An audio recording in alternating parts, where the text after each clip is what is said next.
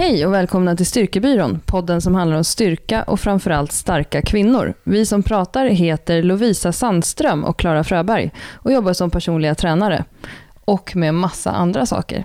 Idag ska vi prata om att ha anspänning i hela kroppen när man tränar. Vad betyder det och vad kan det ge för resultat?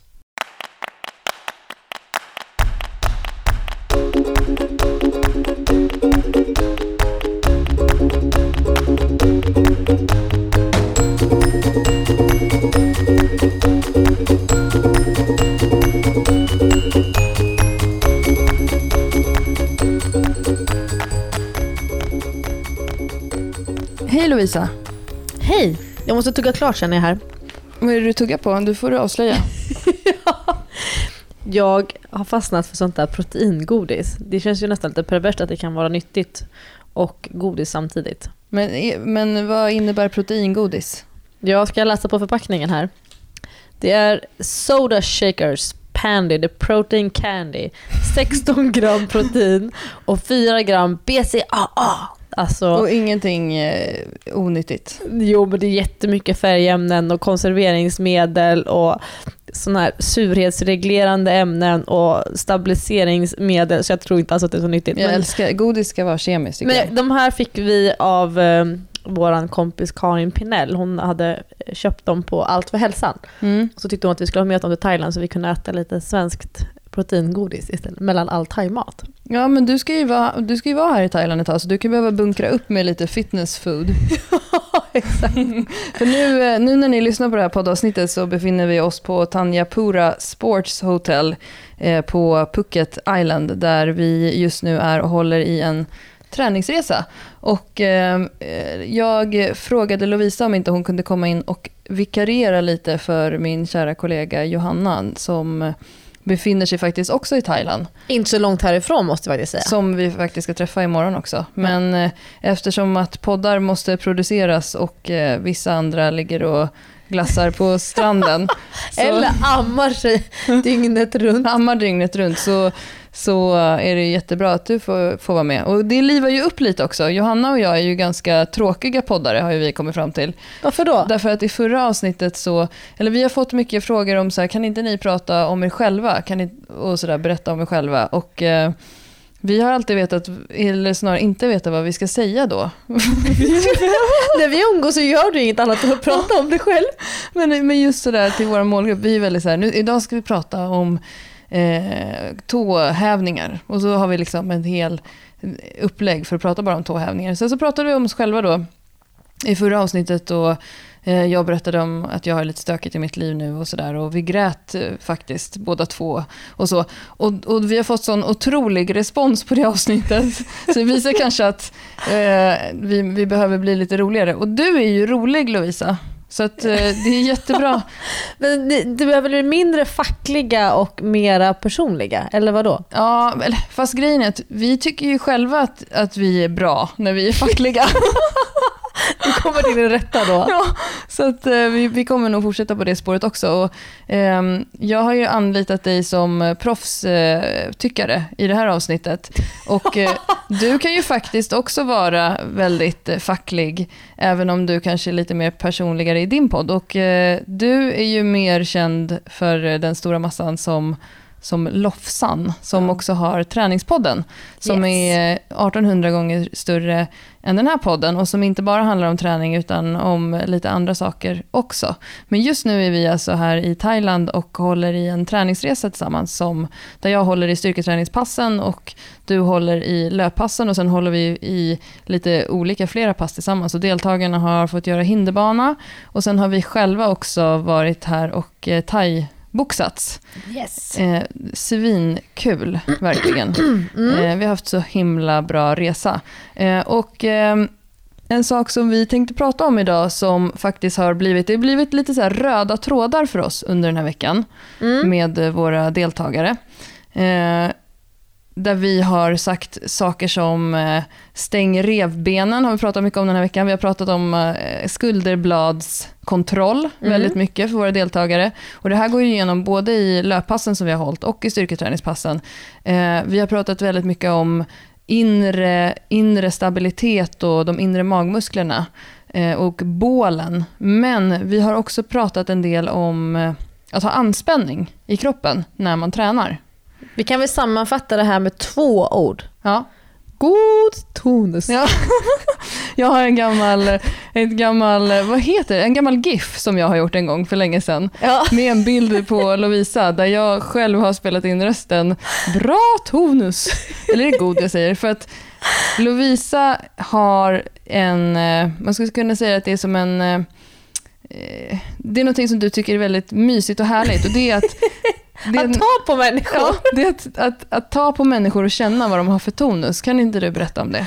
Ja, men det är, egentligen är det väl det här att skillnaden mellan att bli fotad och veta om att man blir fotad eller att bli fotad utan att man vet om det och så tittar man på bilden efteråt och så bara åh herregud, är det så där jag ser ut när jag inte är medveten? Och Det säger ganska mycket om en person, alltså hur man aktiverar sin kropp när man inte vet om att man är aktiv. Mm. Och Dels så kan man tänka att det liksom handlar om hållning, alltså att jag står på en scen och föreläser och att jag sträcker på mig och att jag medvetet har liksom anammat det som du kallar för power posing. Att man liksom fyller upp sig för att ta mycket fysisk plats i ett rum. Men det är ju liksom det så här människojobbet, människolivet, det som är utanför träningen. Men jag kan ju se att det här med att ha en god tonus och att, att ha en, en automatiserad anspänning i kroppen är jätteviktig för att få träningsresultat när det gäller både styrka och löpning eller thaiboxning, eller egentligen allting där du vill skapa stabilitet. Allting där du vill utveckla kraft i någon som helst riktning. Oavsett om det är neråt, uppåt eller framåt eller en rotation så måste du ha en god tonus. Och, du när jag säger ordet så det. Men god tonus det är det här när man puttar på någon som inte är beredd och den liksom faller tre meter eller där den faktiskt svajar till lite grann men sen kommer tillbaka till balans. Och Det är ett ganska bra test på om man har den här tonusen. Och Det är egentligen grunden till all typ av styrka och det är därför det är kul att prata om det i den här podden. Mm. Men vad, alltså hur kan det kännas, hur kan man vara, hur är man om man inte har någon bra tonus? Alltså jag brukar skoja och prata om de här människorna som har händer som nästan når ner till knäna. de har egentligen normallånga armar, men de har så dålig tonus så att hela skulderbladspartiet och axelpartiet kollapsar både framåt och inåt ihop. Och, och Man blir så konkav i bröstkorgen för att allting vill bara närma sig jorden. Så att händerna nästan når eh, knäna. Armbågarna är så, är så eh, slappa och alltså det finns liksom ingen anspänning överhuvudtaget. Och man kan till och med ha så dålig tonus att, att knävecken bångnar åt fel håll. Ja. Eh, det är liksom en sån här, om man tittar ser på människor på stan och som nu när vi är i Thailand och ser väldigt många människor i bikini eller badbyxor på stranden. Då är det mycket händer nere vid knäna. Eh, det är ju ett, ett typiskt tecken på att någon har dålig tonus. Men om man tänker liksom, du och jag som jobbar med träning och varför de som kanske lyssnar på träningspodd, eller nu träningspodden, gud vilken smygreklam. de som lyssnar på Styrkebyrån kan Ja. tycka det här är intressant. Därför att det här med att ha en tonus eller att ha en, en grundanspänning i kroppen är en jätteviktig förutsättning för att ha en bra teknik i en isolerad rörelse eller en liten muskel. Mm. Så vi kan ju ha som exempel en, våra, en av våra favoritövningar, det är biceps curl. Mm, ja, just det. Det är, den vi, det är nog den vi gör oftast. Oftast. Disco curla lite grann. Ja. Och biceps curl kan ju vara en isolerad övning för biceps, alltså överarmens framsidas muskel. Där man liksom lyfter handen upp mot axeln och sen sträcker man ut armbågen och så lyfter man upp. Men biceps curl är en jättebra aktiveringsövning för skulderbladet. Där man tränar på att hålla nere skulderbladet. Vi brukar säga att man ska ta fast skulderbladet i bakfickan. Mm. Det kan vara en jättebra övning för att reglera skul- eh, revbensbågen. Mm. Precis nedanför tuttarna här kan man känna så har man ju som en kant. Att man ska kunna hålla dem på plats så att man inte svajar upp revbenen upp mot eh, vad ska man säga, kanten mellan taket och väggen hela tiden. Att mm. skulderbladen och revbenen är på samma ställe. Och, eh, det kan också vara en jättefin övning för att lära sig fixera höft och knä och inte svinga upp en vikt. Eh, Så där kan man ju se om det är en person som har en god tonus, då har man en automatisk fixering av alla kroppsdelar utom själva underarmen. Mm. Men sen, det är ju liksom egentligen det lätta och enkla sättet. Men liksom, pratar man om så jättekomplexa rörelser, marklyft, Ja. knäböj. Chins. Alltså att göra, lära sig göra chins som tjej är ju jättesvårt från början för Ja. att vi har lite muskelmassa på överkroppen. Men att kunna lära sig göra chins om du inte har en tonus eller en grundaktivering, det är nästan omöjligt skulle jag säga.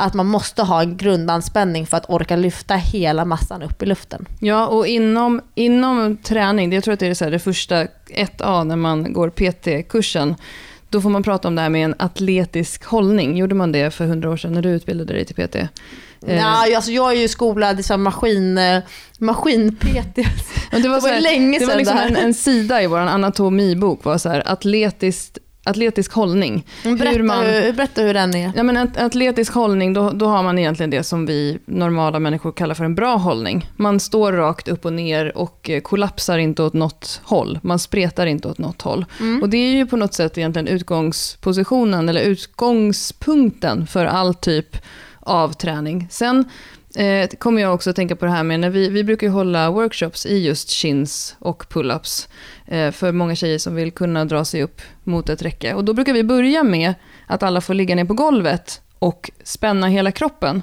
För det är ju faktiskt så, och det är faktiskt mycket vanligare än vad man tror, att det, det kommer, vi träffar ofta klienter eller tjejer som vill kunna dra sig upp ett räcke och så hänger man sig i ett räcket och så hänger man som, som vår kollega Ida Svensson, alla kan träna brukar säga, som en död fisk. och det är ju svårare att bära en person som är medvetslös Mm. än en person som har en anspänning i kroppen. Mm. Som, håller, som hjälper till genom att spänna sin kropp när den är i din famn, än en person som är helt död. Och då brukar vi låta deltagarna ligga på golvet och spänna hela kroppen. Och sen gå fram och dra lite i benen på dem, eller dra lite i armarna för att se om de kan spänna hela kroppen. Och grejen är att alla kan inte spänna hela kroppen. Nej, alltså det där är jättevanligt. Eh, till exempel om man kollar på någon som ska göra armhävningar. Mm. Och i alla de här gamla träningsböckerna eller om man liksom använder sig av en träningsapp som är lite så här gammalmodig så är det så här, ja du ska göra armhävningar och så är det en bild på en, en kropp. Och sen är det så här rödmarkerat vilka muskler man tränar och så är det så här markerat på eh, bröstmuskeln och så framsida axel och kanske lite triceps ibland om man pratar om primär muskel och sen så kanske assisterande eller sekundär muskel för armhävning. Men jag skulle nog säga att för de allra flesta människor så är armhävning en bålövning. Mm. Och så fort det är en bålövning så blir det ett tredimensionellt fokus där du liksom måste, inte bara de raka magmusklerna, för det tänker så här många bålen, ja det är magmusklerna. Fast bålen är egentligen hela torson. Om du går in i en klädaffär och liksom vill ha, och så säger du, ber Ett du plagg dem för bålen. Ja men en bål, eller om du ber någon i en klädaffär tänka sig en provdocka. Ja. Då är det verkligen en hel överkropp. Ja. Och så fort vi pratar om en hel överkropp, då måste du också tänka höft och Mm. måste tänka ben. Och det kan man ha som ett bra test faktiskt. Mm. Om någon står i en armhävningsposition uppe på tå, alltså Mm. att man står rakt upp och ner, det klarar de allra flesta. Och sen så ber man en kompis att lyfta upp ena foten, Mm. liksom, som en skottkärra. Mm. Då ska andra foten också följa med. Mm. Alltså att man ska vara, ha en sån kraftig anspänning i kroppen att det ben, andra benet följer med automatiskt. Det är ett väldigt bra tecken på om man har den här eh, tonusen. Och samma sak i chins. Om man hänger i chinsräcket och så kommer någon och trycker på ena foten i någon riktning, då ska andra benet också följa med så att det inte bara blir så att det hänger köttbitar. Och, och det är just de här köttbitarna som jag tror hämmar väldigt många människors styrkeutveckling. Att man tänker att man tränar en muskel, Mm. inte att man tränar en kropp. Mm. Och det finns ju eh, studier kring det här med anspänning i kroppen som är ganska spännande. Man har tittat på, till exempel läste jag om en studie där det var kvinnor, jag tror att de till och med kanske var runt 50-årsåldern, som fick klämma på en gummiboll. Mm. Har du hört om det? Nej? Eh, och då fick de, det gällde det här med ensidesträning, hur man ska tänka om man ska träna den svagare sidan med en lägre vikt, eller om man ska Ja. träna den svagare sidan med en tyngre vikt än den starka Där sidan. går ju åsikterna lite isär. Ja, det gör det. Och då var det här en studie där man tittade på kvinnor fick klämma på en boll. ja, men det är sant. De fick göra såna här kontraktioner med bollen. på ett annat. Eh, ja. Ehm, och då fick de klämma då med eh, den starkare sidan, den handen som oftast är det ju den man skriver med. Ja. Eh, om man är högerhänt så, så klämmer man med den högra handen. Och då fick de göra det under två veckor. Och så mätte man styrkan i den svagare sidan före och efter. Och efter de här två veckorna så hade, hade ju den svagare sidan blivit starkare också, utan att ha klämt på bollen överhuvudtaget. Mm. För att det också har med hjärnan att göra, men att det också handlar om motorenheter i kroppen, i musklerna. Att när vi spänner ena sidan så får den andra också en viss stimulans.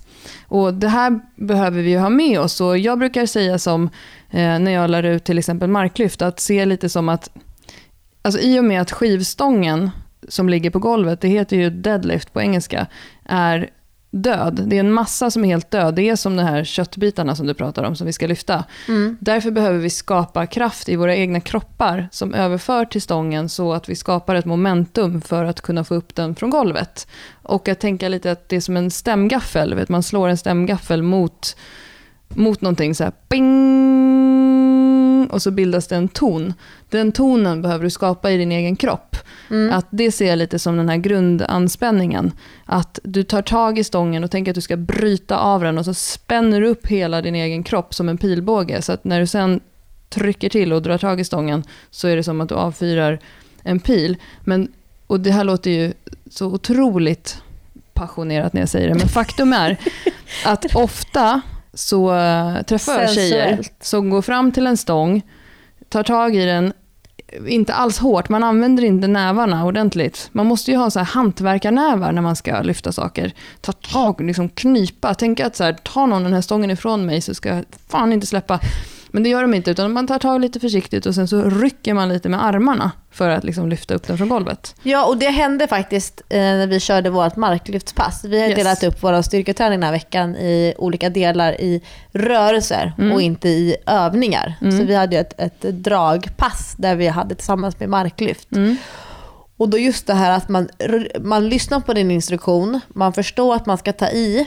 ett, bara fasen. Ja, och på ett sätt som man kanske inte är van vid. Och Mm. att det resulterar i ett ryck. Mm. Och att man inte vågar låta den här aktiveringen ta tid. Mm. Alltså att, att det faktiskt får ta ett par sekunder innan stången lättar från marken. Även fast det inte är så tungt. Så man Mm. kanske inte behöver, vad ska man säga, låta den stången ta den tiden för att det är så tungt så att det, liksom, det kommer ta sex sekunder för mig att komma upp till sträckt läge.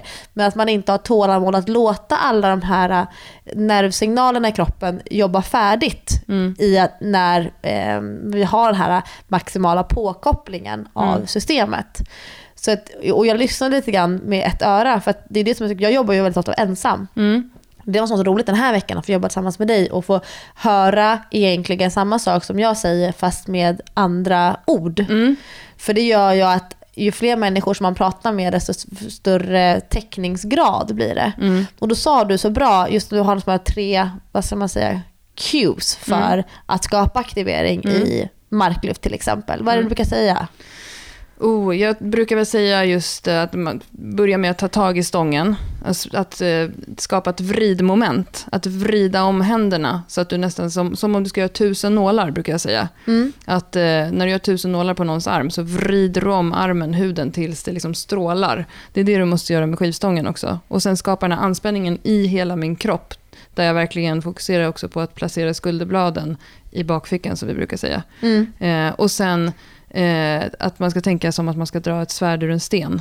Eh, att om jag drar svärdet ur stenen med händerna, så eh, bara med armarna, så kommer jag inte skapa någon kraft. Men om jag sätter fötterna till spjärn och lutar mig bakåt, så får jag ut svärdet. Mm. Ja, jag, har, jag har en hel del sådana. Och sen så pratade jag lite om det här med stämgaffeln också.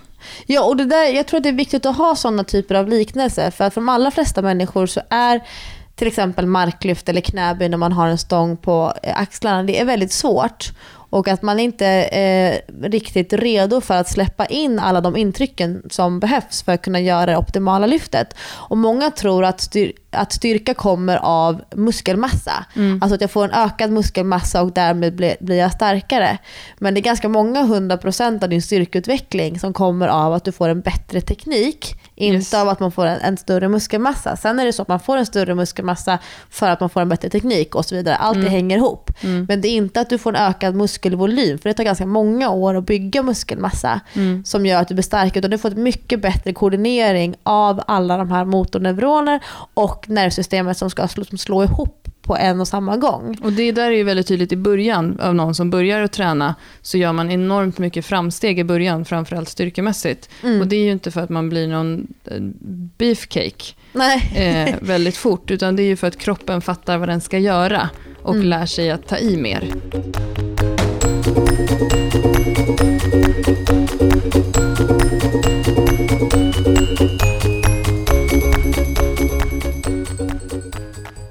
Ja, och det där kan vara frustrerande för en del för att man måste ju alltid komma ihåg att alla människor har ju sina egna förutsättningar.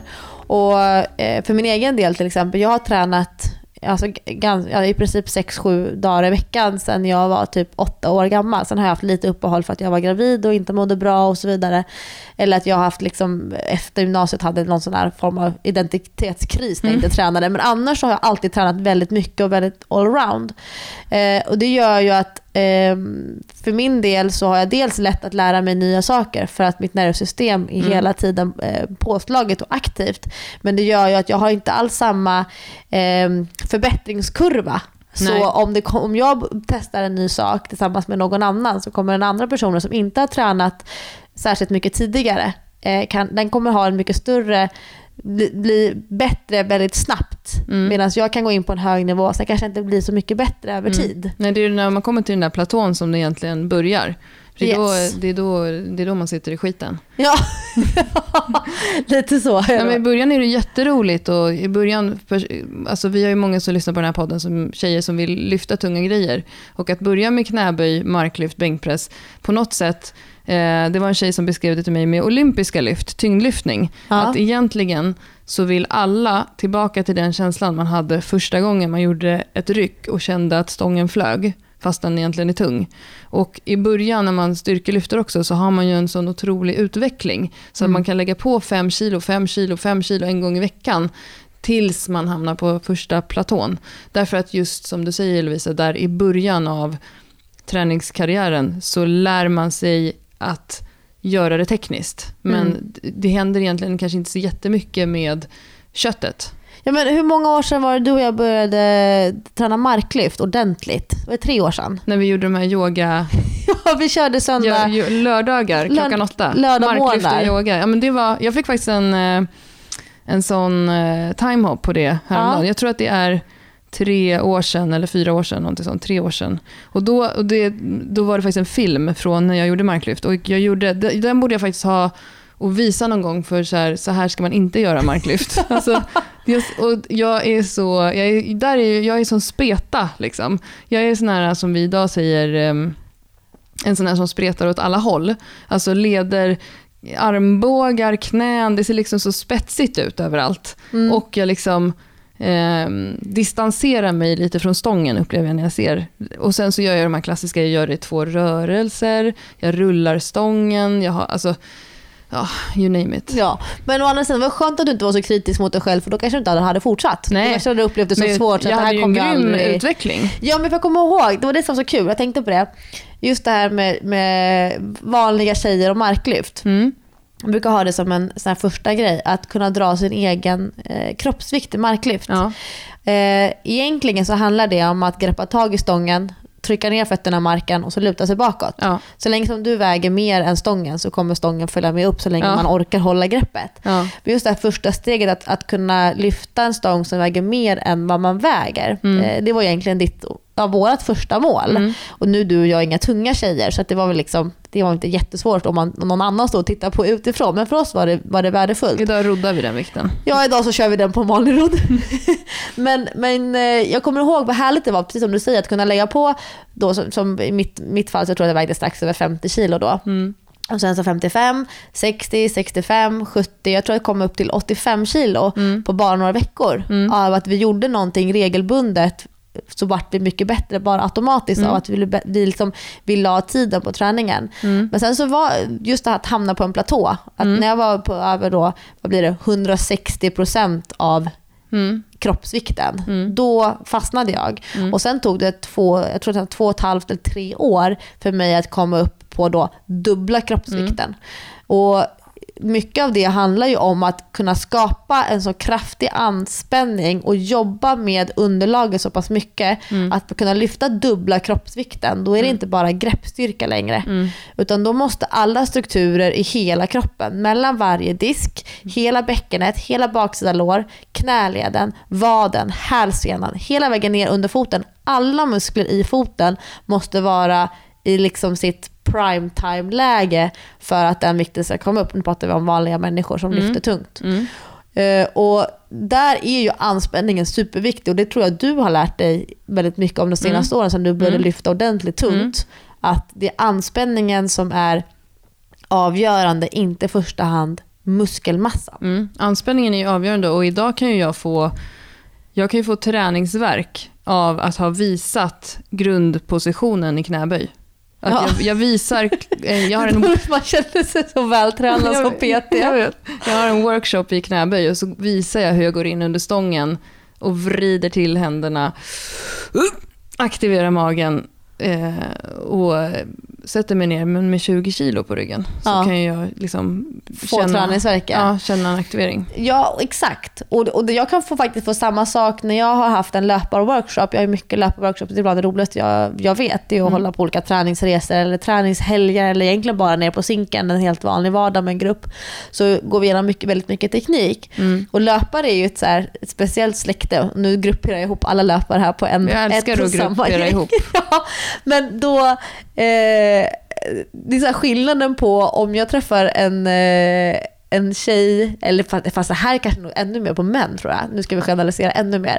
Eh, om jag träffar en manlig styrketränande kille, Ja. ja, en person som styrketränar som också har en snopp, så, liksom, så, så tar jag min liksom, höger hand och så kommer han med sin höger hand och så liksom, liksom knyter vi näven och så säger Ja. vi hej hej och skakar Ja. på handen. Så här, det känns så skönt. Våra händer så sitter i varandra, det gnuggas lite valkar. Hand, hantverkarnäve brukar jag säga. Ja, men hantverkarnäve. Och, och jag, liksom, jag tycker om att så här, liksom verkligen ta ett stadigt tag.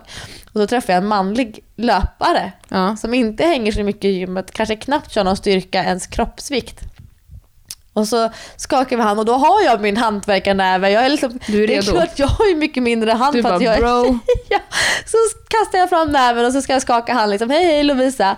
Och då, ja, du, du får visa Klara här. Då får jag, det som händer när jag möter den här löparhanden det är att det klonkar mellan benen i löparhanden för att det finns liksom ingen tonus i handslaget. Det bara liksom viker sig i mina fingrar och så brukar jag nästan behöva be om ursäkt för att säga oj oj förlåt förlåt, Ja. typ nu har jag tagit i för hårt. Knak. Ja. Det känns som att jag har brutit någonting. Men det är ganska så eh, synonymt med löpare. Alltså det är jättemånga löpare, de har jättefin syreupptagning, de kan ha jättefint löpsteg, men de har ingen tonus. Nej. Det finns ingen stabilitet i Anspänning. lederna, det finns ingen anspänning. Och när man ser att de ska göra ett knäböj så är det så fruktansvärt. De ska göra utfall, de kan inte göra armhävning. Och sen kan de, visst, de kan göra höga knän och så vidare, men så fort de blir trötta så bara kollapsar hela systemet. Och liksom, eh, vad säger man, symptomet blir att det blir fiskhand när man skakar hand. Men det är någonting som ligger i hela kroppen, att man inte har den här liksom, tonusen. Ja, men, och det är ju det som du har pratat mycket om på dem. Du har ju haft en teknikworkshop också den här veckan. Och just det här att vad har vi för anspänning i kroppen när vi springer? Och precis som du säger nu så brukar du prata om det här, vad händer när vi blir trötta? Och det är ju när vi blir trötta, om vi inte kan hålla tekniken då, det är ju då vi också ökar skaderisken för att vi har en större chans att slinta eller ramla eller någonting om vi säckar ihop. Och det syns ju väldigt tydligt när man blir trött när man springer var det är någonstans också som jag är svag. För det är där jag kommer att säcka ihop. Mina knän kommer sticka iväg eller min höft kommer falla ut. Eller min bröstkorg kommer bli konkav. Det låter så, men du vet ju att jag är väldigt rädd för löpning. Eh, Don't run. Eh, dock vill jag bara föra till protokollet här eh, att eh, Lovisas man Hans har under den här resan sagt att jag har ett fint löpsteg. Ja, Maraton-Hans som vi kallar hur många gånger har jag sagt det efter dess? Du bara återupprepar. Ja. Ja. men det, jag, har egentligen, jag har två bra exempel på det som jag gärna kan dela med mig av. Mm. Det är våran kollega Mm. Sara Wiss Mm. som har gett mig ett bra tips på det när man jobbar med grupper och individer eh, som liksom, det är ju så här, vi har ju sprungit, de flesta av oss har sprungit på något sätt hela livet. Mm. Och kanske inte alltid organiserat som ett träningspass utan typ springa till bussen och så vidare. Mm. Och att vi är så avslappnade i vår löpning att det är någonting som vi bara gör av farten. Och det är ju en del av vårt flyktsystem. Mm. Vi ska kunna springa när det blir fara. Mm. Och det gör att vi ibland blir lite för relaxade i vår löpning. Vi vet inte hur vi ska förändra vårt löpsteg. Men om vi, när det handlar om, om eh, ja, men någonting i gymmet, om man, man, man är mycket lättare att ta instruktioner ju komplexare någonting är. Så Mm. desto lättare är det för oss att justera saker. Mm. Men när vi säger till att man ska ändra någonting i löpsteget så är det nästan omöjligt för att det är så extremt djupt inrotat. Mm. Då gav Sara mig ett tips för en grupp som jag skulle jobba med och det var att man skulle träna på att springa baklänges. Mm. Och att målet är att, att eh, etablera ett löpsteg baklänges som Mm. skulle se ut som om du sprang framlänges om du drog filmen åt andra hållet. Mm. För att det är så pass svårt att springa baklänges så att om man då funderar över alla de instruktionerna som man har fått när det handlar om sin tyngdpunkt, när det handlar om fotisättning, om att lyfta knät och så vidare. Då skärper man sig så mycket, man har så extremt högt fokus, stor koncentration, Mm. att man faktiskt klarar det. Mm. Och, och det andra som, som jag tycker är också är jätteviktigt när vi pratar om tonus, till exempel hos löpare, det är eh, en intervju som Kalle Zackari gjorde med Isabella Andersson, Mm. alltså en av världens bästa löpare och framförallt Sveriges bästa långdistansare. Mm. Och han frågade henne vad hon eh, tänker på när hon är ute och springer. Hon springer fruktansvärt många mil i veckan. Mm. Liksom, lyssnar hon på någon ljudbok eller en podd eller liknande. Och, och jag minns hennes svar, det var någonting liknande med att hon tittar på honom säger liksom, men gud är du, är du knäpp i huvudet? Det enda jag tänker på det är ner med foten, ner med foten, ner med foten. Mm. Och vi vanliga människor, vi är liksom ute och springer för att rensa hjärnan eller liksom babbla på med någon eller lyssna podd på podd för att ja, man kanske står på styrkeby om man är ute och springer Mm. bara för att man inte vill tänka på det man håller på med. Vi har musik i öronen för att man inte ska liksom höra jobbigt. andetagen. Ja men gud, låter jag jag. sådär trött? Ja. Men om vi blir bättre på att tänka på vad vi verkligen gör, ner med foten, ner med foten, då ökar vår medvetenhet. För i gymmet så skulle vi Mm. aldrig lyfta tungt.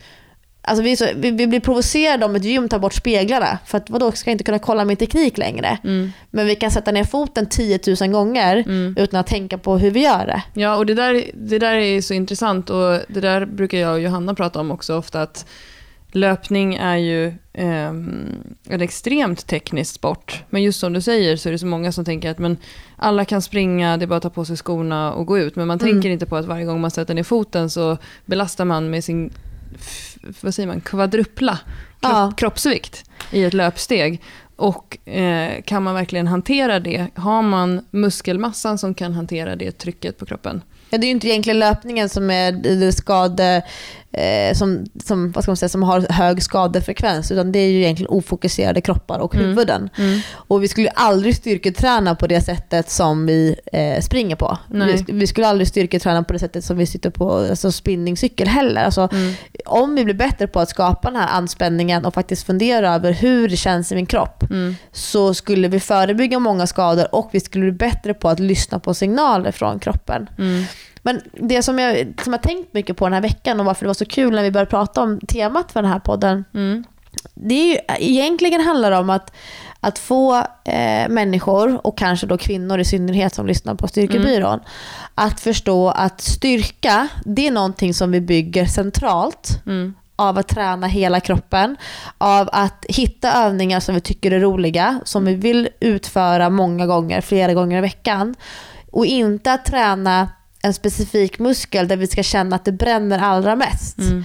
Eh, Det är klart att vi kan eftersträva övningar som vi känner att här får jag kontakt.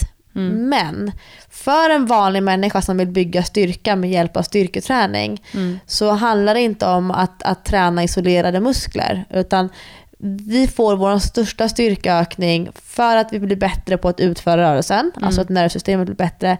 Men också för att vi får det här centrala påslaget Mm. av hormoner, Mm. anabolt, men också för att vi blir bättre på att spänna hela kroppen. Mm. Vill vi lyfta tyngre med biceps så kommer vi bli starkare automatiskt om vi spänner framsida lår. Mm. Alltså att hela kroppen hänger ihop. Vi kan inte koppla isär eh, muskler från varandra. Mm. Och det, det, Frankenstein-metoden som man brukar säga nu för tiden inom träning. Alltså Ja, vi, det- tränar, vi tränar kroppsdel för kroppsdel. Och att istället inte göra det, utan koppla ihop, se kroppen som en enhet. Ja, och, och det där tycker jag ändå är viktigt för att, att på ett sätt så Liksom, träningsbranschen jobbar ju så väl och hårt med att göra saker och ting komplicerade och avancerade. Du måste ha en coach som ser till att du får det bästa träningsprogrammet och vi ska gärna betala för att få hjälpen och så vidare. Eh, och, men det är egentligen väldigt taskigt mot människor för att vi vet att det bästa sättet att, att bygga styrka det är att lyfta tungt flera gånger i veckan med god teknik. Och Det är så många som fastnar i det här att man ska ha den optimala vinkeln, att man ska ha optimala greppet, att det ska vara en muskel som man tränar precis på det här sättet för att få de allra bästa förutsättningarna för att bygga styrka. Vad Men- händer om jag flyttar foten lite ditåt? Vad händer om jag Ah. lyfter upp armbågen där? Och om jag gör det i den här vinkeln och om jag byter redskap och, och så vidare. Ja, men det, och det är sådana detaljer som jag kan säga det är liksom helt orelevant för de allra, allra flesta. Det är sån, för det första är det en liten andel av Sveriges befolkning som tränar. Ja. Och sen så tittar man på de som behöver hålla på med sådana små andelar. Inte ens de gör det. Nej. Alltså inte ens Sveriges starkaste människor, kvinnor och män, är fokuserade på sådana detaljer. De fokuserar på att lyfta rejält, variation, eh, progression, periodisering. Inte att ändra sin fot lite grann. Det spelar ingen roll om du lyfter i sumo-position i marklyft eller om du liksom har fötterna smalt. Det spelar ingen roll om du har benen brett i knäböj eller benen smalt. Bara du gör övningarna. Och, och då kan liksom, du kan träna upp mot styrketräning rejält fem gånger i veckan. Först, och, och, om du ändå inte får resultat, då kan du börja fundera över vad jag gör för fel.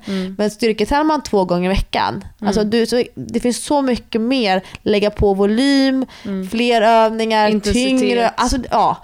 Att fastna i de här detaljerna kan nästan krypa i kroppen på mig när jag ser det på Facebook och Instagram.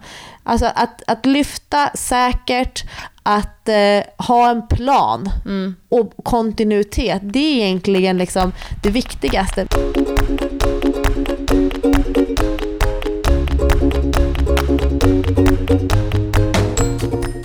Jag gick en eh, utbildning för en känd, eh, vad är han, vad är det för sport? Diskuskastare, Dan John i somras. Eh, två dagar, en, en utbildning för tränare. Han har ju dels eh, i, vad säger man, meriter på världsnivå själv, som både diskuskastare och spjut tror jag och lite andra grejer. Men sen så har han ju tränat framförallt amerikanska fotbollsspelare och så vidare i fys, alltså han är strength coach. Och han pratar jättemycket om det här att, eh, för han, eh, han har skrivit en bok som handlar om träning för vanliga människor också. Att så här, eh, det som han lägger störst fokus med på vanliga människor, det är att de ska få bära saker och putta saker och dra saker. Så att de bara får ta i med hela kroppen. Alltså sen är det inte så viktigt. Han pratar jättemycket om med att så här, minimalisera antalet eh, komplicerade tjafs i ditt gym. Och så, till exempel så här, han var så här, men förut så hade, använde jag olympisk, eller romerska ringar. Men sen så insåg jag att eh, jag kan göra samma sak med TRXen. Då slängde jag ut ringarna, för jag vill inte ha så mycket i mitt gym, utan jag vill att det ska vara så enkelt som möjligt. Och så få redskap som möjligt. Men just så här, att bara bära saker, att bara putta saker, att bara dra saker. Att få folk att använda kroppen, som du är inne på, som en enhet och kunna ta i med hela kroppen. Det bygger grunden för allting. Och eh, har man inte den grunden så är det så otroligt poänglöst att fundera över eh, om jag har med vastus lateralis i den här positionen. lite. Det kan vi liksom lämna till terapeuter tycker jag. För det är där de ska kliva in om det är någon som har ont. Jag, får, jag har ont i mitt knä och jag måste bygga upp droppmuskeln. Vastus medialis eller lateral, ja någon av dem. Ja, De kan få gå in vi pratar och liksom... om framsida lår här. Ja, exakt. De kan gå in och liksom ge, eh, ge personer övningar för specifika, så att vi ska få kontakt med den här muskeln, vi ska väcka den till liv och så vidare. Men alla vi vanliga människor, vi behöver egentligen bara lära oss att spänna oss och ta i jäkligt mycket. Eh, då kommer vi må bra och eh, bli mer hälsosamma. Mm. Ja, men, eh, jag, det där, jag är lite kluven till det. Det jag, jag förstår vad han menar, men eh, det är klart att vi kan säga så här, vad, som, vad som optimerar träningsresultat för vanliga människor. Men vi måste komma ihåg eh, den väldigt viktiga faktorn motivation. Och motivationen triggas för väldigt många av variation. Och då kan det vara jättespännande att ibland få jobba med ringar och ibland få jobba med TRX-band när man gör till exempel olika dragövningar.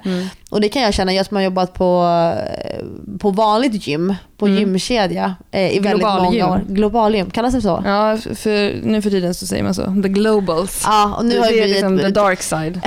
ja, nu är vi ett boutiquegym, nu är vi, kör vi vårt eget. Men The good side.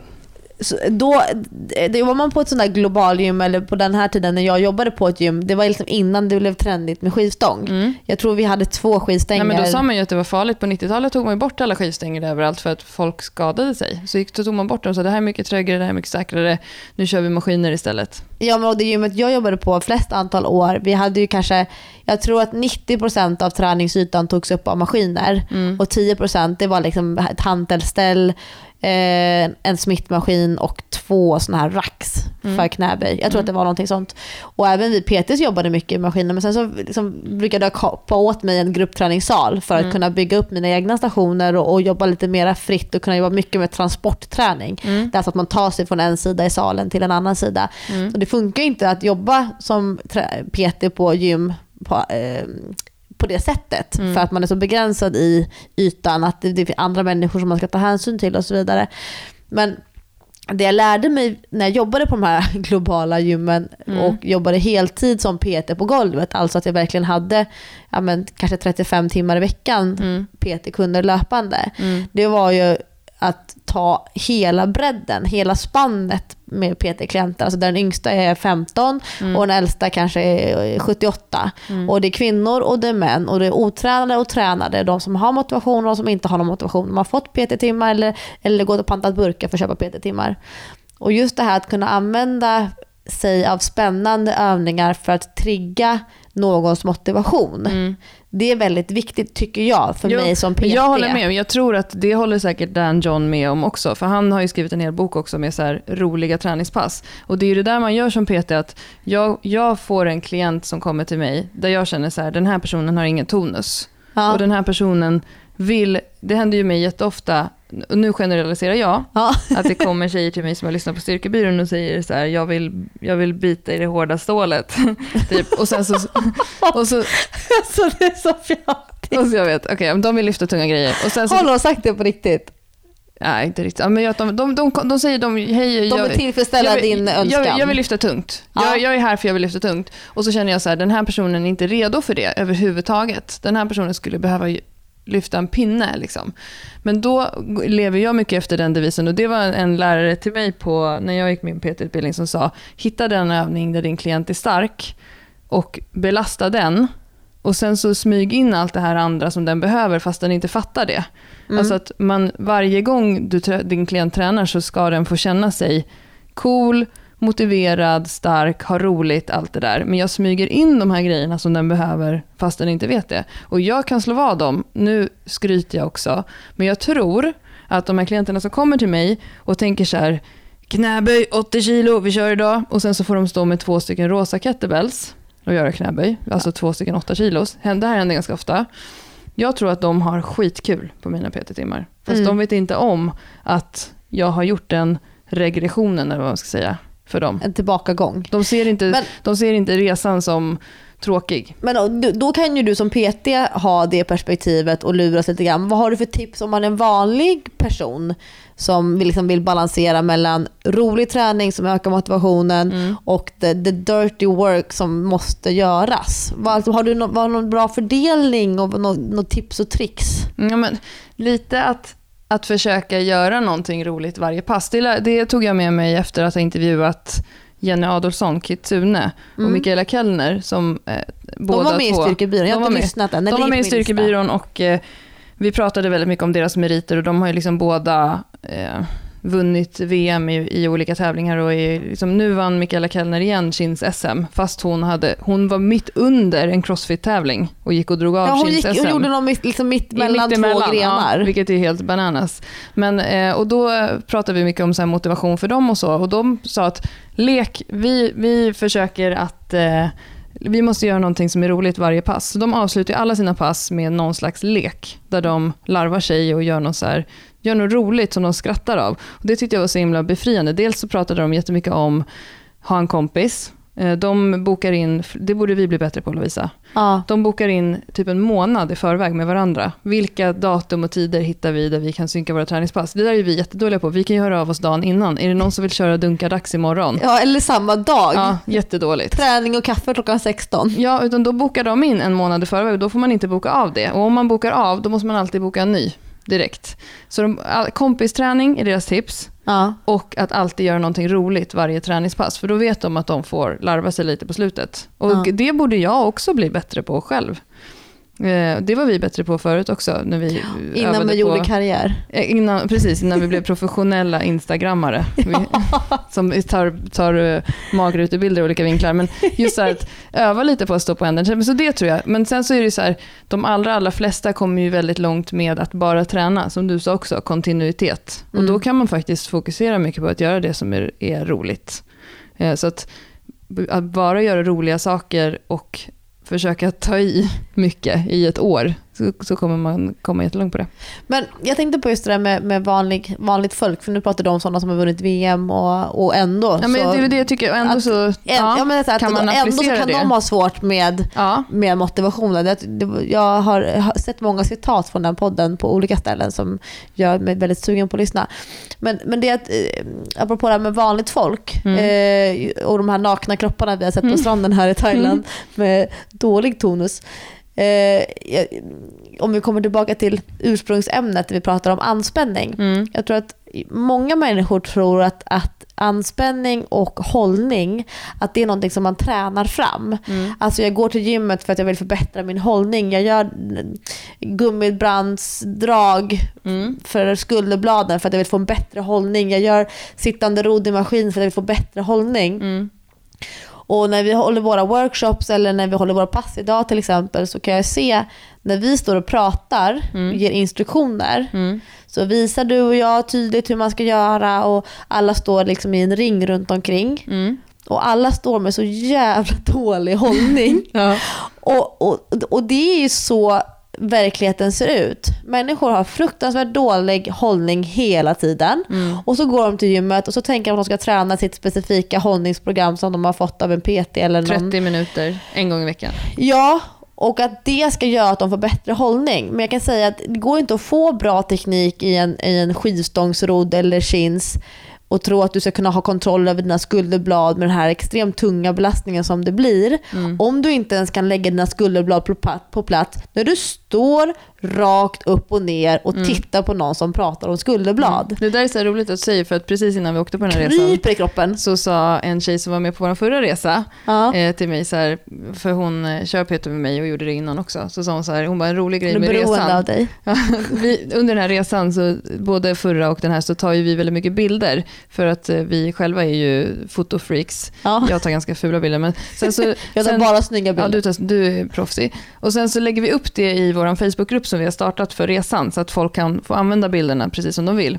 Och då sa hon till mig så här, hon bara, en sak som jag verkligen tog med mig från resan var, för jag har aldrig blivit fotograferad så mycket förut, sa hon. Det var att jag har så otroligt dålig hållning. Och så sa hon så här, och så såg jag dig och på varenda bild ser du ut, sitter du med så här otroligt bra hållning. Och det, det är ju för att jag också är van vid att kameran åker fram hela tiden. Vi tog någon bild idag när vi var i Chalong, eh, när jag verkligen överdriver min hållning. Men jag blev väldigt nöjd med den också. Men det, det, är ju, men det var en här wake-up call för henne. För hon sa att jag måste ju verkligen börja öva på min hållning. Och hon, det här är en tjej som är väldigt atletisk, stark, tar tag i skivstången och skapar den här kraften. Men just att hon i vardagen aldrig har tänkt på. Och det är som du säger Lovisa, att har vi liksom 24 timmar om dygnet och så spenderar vi 30 minuter sju, sju, av, av veckans sju dagar på att öva på den här hållningen så är det klart att jag inte kommer ha med mig det. Utan eh, vi måste ju öva på det som vi vill bli bra på varje dag. Tyvärr. Ja. Ja, men, och det är samma sak med stretching. Många är så, de är så extremt kåta på att stretcha. Och då vill de veta av mig om, om är det bästa med att stretcha innan eller efter passet? Är den här övningen bättre eller den här övningen bäst för stretching och så vidare. Och just det här att, att, att stretcha är ju liksom, det är debatterat och det är omdiskuterat och människor kan bli så väldigt kränkta när man börjar prata och kritisera deras stretching. Mm. Eh, Så där får man vara lite försiktig har jag ju märkt. Men det man kan tänka på med stretching, för en vanlig människa som tränar tre gånger i veckan så kanske det inte är viktigast att man stretchar i anslutning till sina pass. Det bästa är kanske att lägga sin stretching, om man nu har liksom tre minuter, man har någon sekvens som man går igenom med framsida lår och baksida lår och bröst och axel, de här standardgrejerna och nacken. Att lägga den lilla sekvensen egentligen så långt ifrån två träningspass som möjligt. Så tränar man måndag kväll och onsdag kväll, ja men då kanske tisdag lunch det är det bästa stället att stretcha på. Mm. För det är egentligen så långt avstånd som möjligt mellan att du använder musklerna ordentligt. Mm. Och inte när du har tränat ett ha-svårt pass och bara lägga till tre minuter till. Det kommer inte göra någon skillnad där. Men att skapa den här muskelanspänningen som stretching kan göra, Mm. beroende på vilken teknik man använder, det kanske gör mycket större effekt på sikt Mm. än att stretcha tre minuter efter att ha tränat 47 minuter. Och det, det, det är just det här med att egentligen så är det inga träningsresultat som byggs i gymmet Mm. om man inte upprätthåller dem mellan passen. Mm. Människor så kåta på att checka in på gymmet på Facebook, att lägga upp eh, Instagram-selfies från gymmet Mm. och berätta vad de har tränat och så vidare. Och sen så glömmer man bort allt det när man eh, rör sig i vardagen, om man nu det är ens där, rör det är där sig. man kommer tillbaka till där, hela, där vi började det här snacket med det här med den atletiska hållningen. ja. Att det är så här människans utgångsposition på något sätt. Att vi kan stå rakt upp och ner på golvet med en anspänning i kroppen. Att vi måste ha med oss det genom hela dygnet. Och, eh, men vad ska vi ge för tips till, till den som sitter och lyssnar på det här och känner, känner igen sig från alla de här bilderna från stranden där man sitter som en ostkrok och hänger över en hamburgertallrik? Ja, man brukar kalla det för paparazzi mode. Mm. Alltså paparazzi mode, då ska man liksom vara beredd på att någon, vem som helst, när som helst kan smygfota en om man ska vara nöjd med resultatet.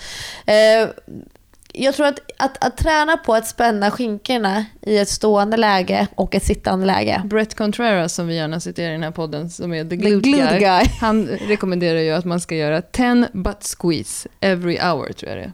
Och Alltså, stående, den- stående butt Stående, ja, det är jätte, en jättebra grej att tänka på för en helt vanlig människa som vill få bättre hållning. Det är Mm. att liksom verkligen squeeze them and then you let go.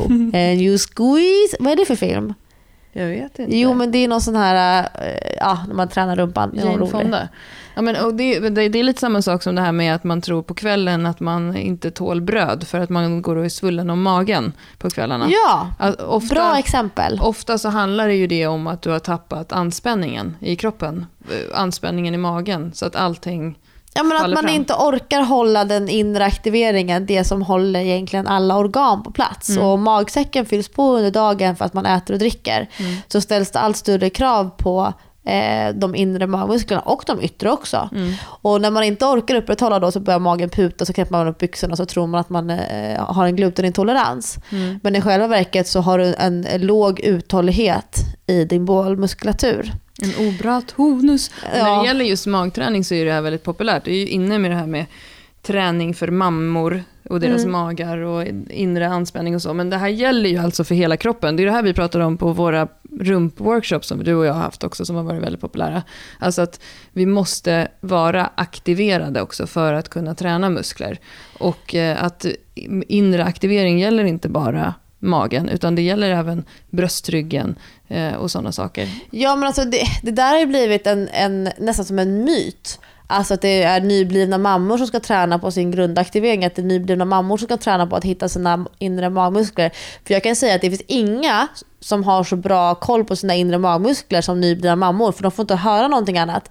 Det är ju alla andra som tror att de har bra koll på sina inre magmuskler. Och de liksom går runt och håller för öronen och ah, jag tänker inte lyssna. Alltså att vi, du och jag jobbar ju egentligen med aktiveringsövningar för magen för i alla typer Ja. av klienter, alla typer av situationer.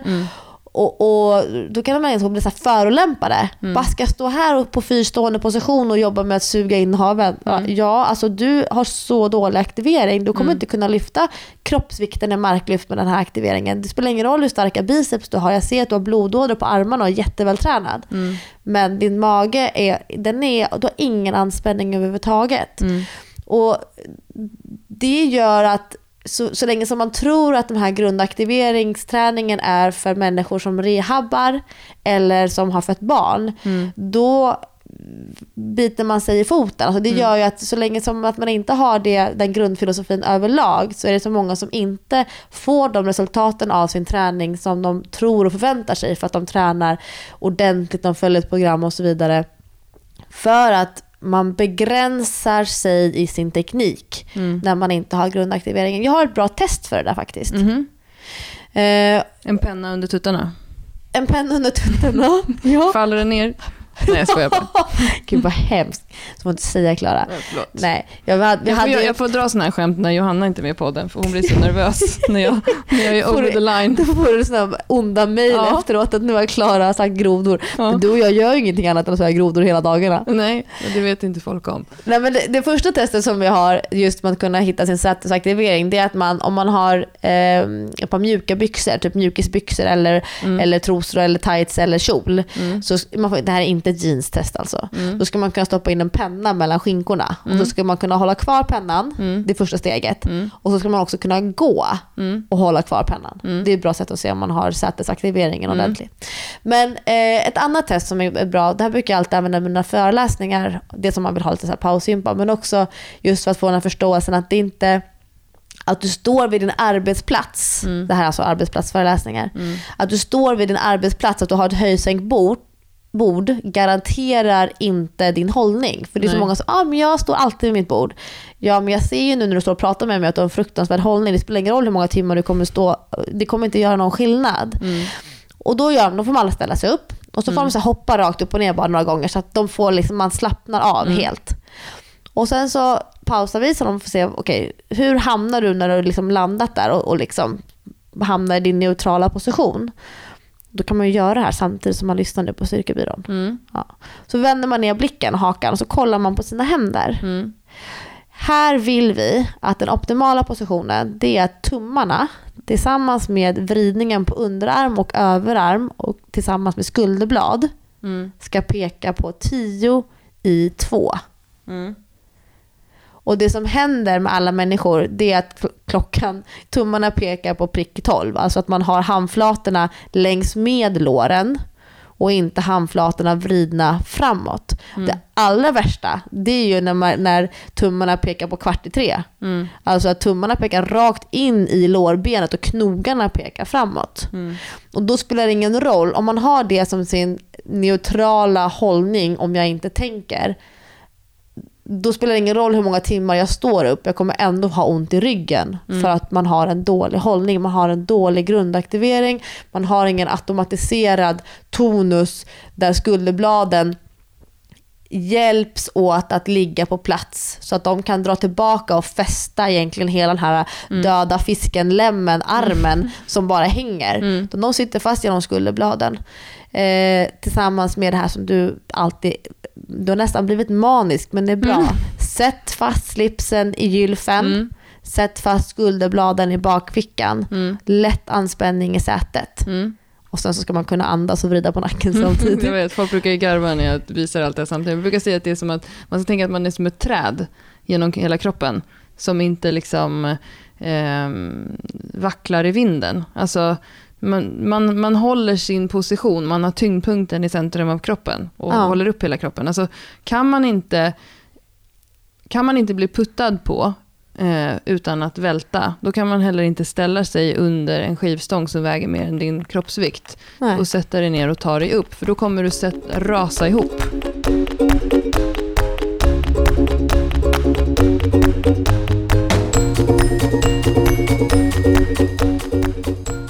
Vår läkarkollega Mm. Caroline, hon brukar prata det om det med angående människors grundförbränning. Mm, det här NEAT, eller?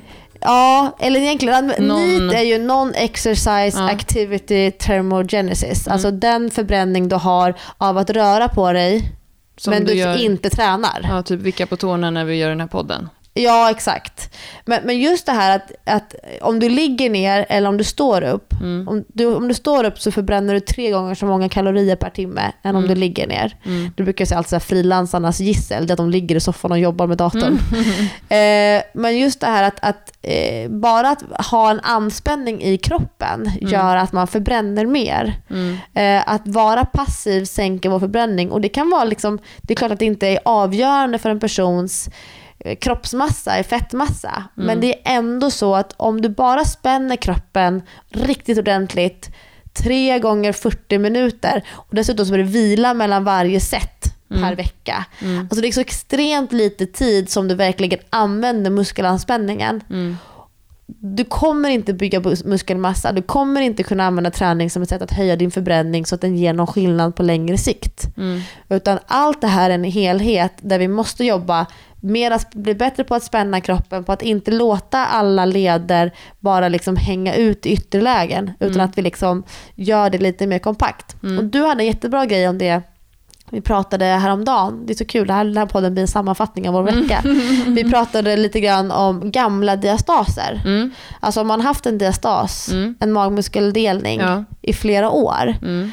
Och man har liksom ingen, inga problem av den, alltså att man har, liksom, eh, man har inget urinläckage, man har ingen navelbrock, eh, magen putar inte särskilt mycket. Utan, men, men det kanske syns för att man har lite mindre underutsvett. En vanlig diastas brukar inte synas om man har liksom den här mammamagen, att man har mycket underutsvett.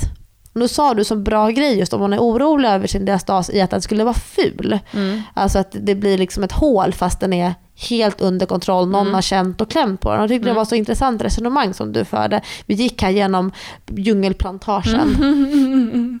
Ja, men jag kommer inte ihåg det alls. Vad sa jag? Du Att- pratade om bodybuilding. Ja, ja, just det. Ja, men just det. Jag, jag sa att eh, rectus abdominis, sådana här saker pratar vi om när vi går i djungeln. rectus abdominis, alltså sixpacket, alltså de magmusklerna som är, de flesta refererar till som magmusklerna, att de har fått, den har fått ett oförtjänt dåligt rykte, den muskeln. För att ibland Det kan... är mitt signum. Ja, ibland kan ett sixpack, ibland kan lite bodybuilding för magen också göra att du får en, en, eh, en bättre inre aktivering. Därför att det är ju svårare att, som sagt, att träna en muskel som inte är aktiverad. Och genom att du får lite volym på musklerna också, så kommer du ha lättare att skapa den här anspänningen i hela magen. Man pratar väldigt mycket om att man ska ligga på golvet och eh, knipa och dra upp eh, bäckenbotten mot naveln och kunna göra det.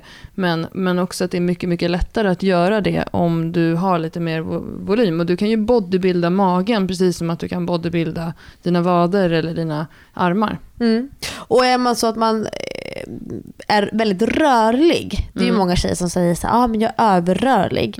Nu kan vi säga det är nästan som en medicinsk diagnos. Mm. Att vara överrörlig, då är, det Mm. liksom, då är du nästan sjuk. Mm. Alltså att leder går, leder går ur led. Mm. Men man kan ha överrörliga tendenser. Det här, Du hade något test av vad du sa om tummen. Ja, men alltså den medicinska diagnosen, om man, har, om man är överrörlig, då ska man kunna trycka tummen bakåt. Alltså att man flexar handen eh, bakåt ner mot eh, armbågsleden. Och så ska du kunna trycka tummen så att den nuddar eh, armen. Jag tror att jag har en decimeter mellan tumme och underarm. Ja, jag har ännu mindre. Men jag har, eh, jag har haft en klient som har haft den diagnosen. Och, eh, vad, skulle man kunna säga att det finns några liknande grejer där? Alltså, använder du f- från den klienten när det gäller det här bodybuilding-konceptet? Ja, men just det här att om vi packar in, om vi har, och det händer ju ofta, det är ju oftast tjejer som har väldigt lite muskler, som har en dålig anspänning i kroppen. Just de här kanske lite mer spagettikropparna, att man är smal, eh, men man är liksom väldigt spretig. När man ska göra ett knäböj så sticker allting iväg åt helt olika håll. Det blir som ett dragspel som fäller ihop sig. Och sen ska den personen ta sig ur den positionen. Och kan liksom inte äga den positionen. Ja. Utan, eh, Det är, man- någon an, det är någon annan kraft det som finns ingen styr. stabilitet och det är Mm. lättare att få stabilitet om du också kan eh, ha lite muskler som packar in. Och det är ju så man jobbar med rehab också, att om du har liksom ledproblem, om du bygger upp muskulaturen omkring leden, så kommer du också ha både lättare att skapa en anspänning, men du kommer också skydda leden mycket mer. Mm. Så just det här att, ehm, att köra lite klassisk bodybuilding, alltså jag, jag kör biceps curl och sådana saker med de tjejerna en period för att de ska få igång aktiveringen i kroppen och få igång lite muskelmassa så att de inte hamnar i de här ytterlägena. För det är det man gör om man är, liksom, om man är rörlig men inte har någon stabilitet. Alltså att, att vara rörlig för mig är ju också att kunna äga positionen även i ytterlägena och att kunna ta sig tillbaka ur positionen. Inte bara att jag faller ihop som ett dragspel i bottenläget. För att om vi pratar om till exempel knäböj så är det många tjejer som är rörliga i att kunna sitta på huk. Man kan till och med sätta sig ner så att stjärten nuddar golvet. Ass to the grass. Men du kan inte ta dig därifrån. Du har ingen anspänning i bottenläget. Mm. Det, där är min erfarenhet. Jag har jobbat väldigt mycket med eh, vinknedgångsklienter. Mm. Och det som är jättestort i gissel, det är när man gör en stor vittnegång, och egentligen behöver det inte vara så stor, det kan räcka med kanske 10 kilo. Mm. Så fettet som finns inuti lederna, Mm. Eh, eh, det liksom håller ihop leden. Mm. Och man kan luras av att tro att en person har en tonus Mm. för att den står ordentligt, men det är på grund av fettmassan. Mm. Och när man minskar fettmängden på kroppen för att man liksom tränar och sköter sin vardagsmotion, sköter sin kost över tid, så försvinner det fettet. Mm. Både det fettet som är utanpå magen, fettet Mm. som är på lår och rumpa, men också fettet som är emellan organen Mm. och fettet som är inuti knäleden, armbågsleden, handled, axelled och så vidare. Och det gör den typen av människor instabila Mm. för att fettet inte längre är med och håller ihop allting. Man blir lelös. Ja, men man kan till exempel se en väldigt kraftig sån här, vad kallas det för, kobenthet. Mm. Alltså att knäleden kollapsar så Mm. att eh, knäna går, faller inåt och fötterna går utåt. Eh, man kan se att man, många av dem får ont i, i bäckenet. Mm. Eh, man kan ha jättesvårt att hitta en aktivering i magmusklerna för att man har haft så mycket fett som har liksom hållit tryckt isär Man kan se att egentligen hela. armbågarna går åt fel håll när man gör, står i plankposition till exempel. Ja. Och spänner så kan man spänna armen åt fel håll, liksom, att leden att den böjer sig åt andra hållet. Alltså många ganska stora tjejer eh, är ju oftast ganska rörliga också. Ja, eh, och, och det där är en utmaning för att vi vill inte att en person som, alltså så- här, personer som är väldigt tunga, de är sjukt starka. Mm. Alltså det, det kan vi aldrig komma ifrån. Det krävs enormt mycket styrka för att bära runt en väldigt tung kropp. Mm. Eh, och när vi vill träna ner någon i vikt så vill vi öka dennes förbränning, vilket vi dels kan göra med att stimulera muskelmassan. Mm. Eh, vi kan öka konditionen så att man förbränner mera fett i vila. Och vi vill se över eh, närings och energiintag, alltså hur mycket man äter. Men det är väldigt tufft att styrketräna sig ner i vikt. Mm. Eh, det är lättare att cirkelträna sig ner i vikt, att man håller lite högre intensitet men lättare vikter. Man kanske inte ens behöver ha några redskap för Mm. kroppsvikten i sig är så, är så tung. Mm. Men det blir lite motsägelsefullt för att när sen personen har tränat sig ner och har sett om om det är 10 kilo eller 30 kilo, vi har klienter som har gått ner, ner mot 50 kilo som, som tränar online med oss, eller som coachar online, det är att de, när man är sen normalviktig så vill man kunna träna på som vanligt.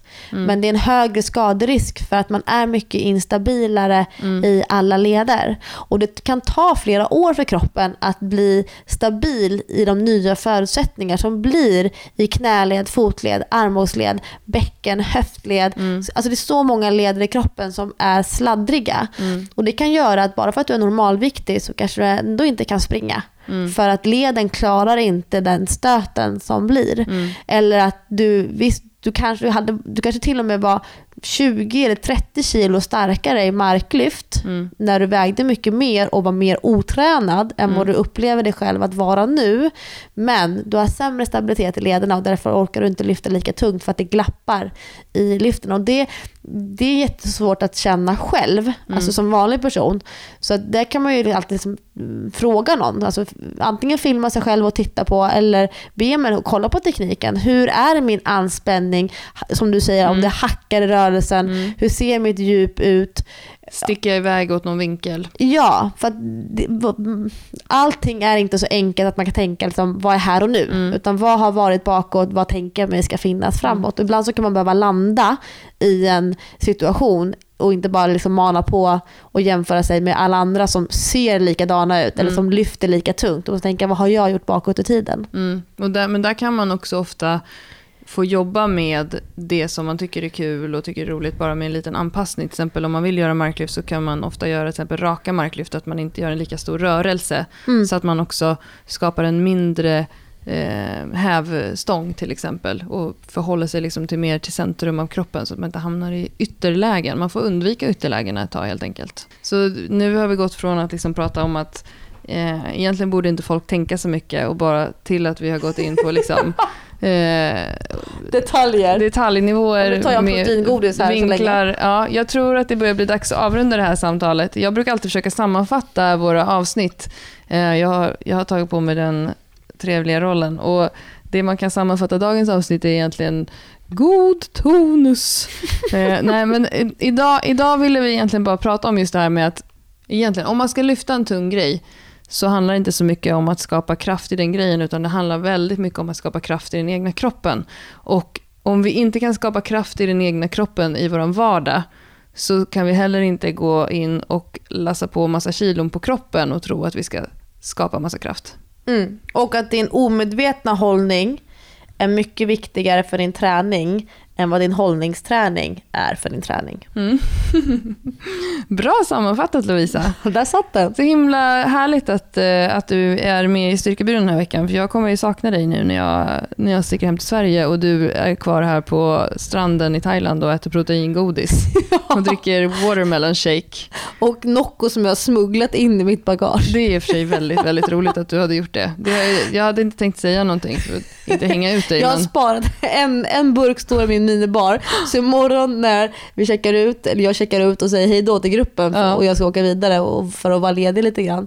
Då ska jag öppna min kalla Nocco i taxin. Och så ska du ska det jag i bara, taxin? Never without my Nocco. Det är det här. Hashtag. Och mitt proteingodis. Men du kan få med dig några såna här salta kettlebells till flyget Nej, hem då, om du vill ha. tullen i Thailand kommer tro att det är något skumt som jag snu- smugglar med mig här. Nej, Man får väl inte ha med sig ätbara grejer som inte är påse? nej från, det där brukar vara lite olika. Man får inte det från Sverige. Sen när man åker hem så är det ingen som bryr sig. Så Alltså, bara du, inte du, bara, du får inte ha durian på flyget. Nej, just det. Den som luktar så illa. Ja, just det. Just det, vad roligt. Ja, nej men... och chips med citronsmak kan du försöka smuggla med dig hem. Ja, de tryckte vi två De påsar var idag. otippat goda. Ja, de var sjukt bra. Och du, det där med tonus, apropå, eh, de som tog i mest på, på träningspasset som du och jag gjorde idag på Titan Fitness här i Thailand tillsammans med en grupp eh, människor, för vi drog iväg på ett litet eget äventyr. Ja. Det var ju typ du och jag som tog... Ja, du skulle säga ge cred till någon annan. Nej. De som tog i mest, ja, det var typ du och jag. Ja, men vi var ju helt, vi var, som var helt mest, vi var ju mest slut, men det betyder inte att vi är i sämst form för det. Däremot så har ju vi stått och pratat om tonus med våra deltagare på den här resan i över en vecka. Och så när vi äntligen fick köra ett pass som någon annan höll i, då tog vi ut av bara fasen. Alltså det var ett av mina livs jobbigaste träningspass. Ja. Alltså, jag har nog, det var länge sedan jag kände mig så trött. Varje gång man trodde det skulle vara vila så sa de spring ett varv runt gården. Och sen så började det om igen. Och det så här rann vatten från mina armbågar och det var inte regnvatten. Nej, det var jag vet. svett. Och, och så jag hade rakat benen, underbenen i, i morse. Så det var så som en så highway ner med knäsvett. Rakt ner jag hade till mina gråa, strumpor. gråa strimmor på, på knäna som rann. Alltså, jag tycker att det är lite, eh, inte erotiskt ska jag säga, men det är lite äggande med så svettiga kroppar. Träningserotiskt. Ja, så jag kan ju säga att det är, som det är de här blanka kropparna, mycket flås och mycket muskelmassa och god tonus på typ alla. Det, då trivs jag. Istället för god jul så är det god tonus. God tonus Bra. på styrkebyrån. Bra, vi hörs igen om en vecka. Puss och kram. Puss puss! Hej då!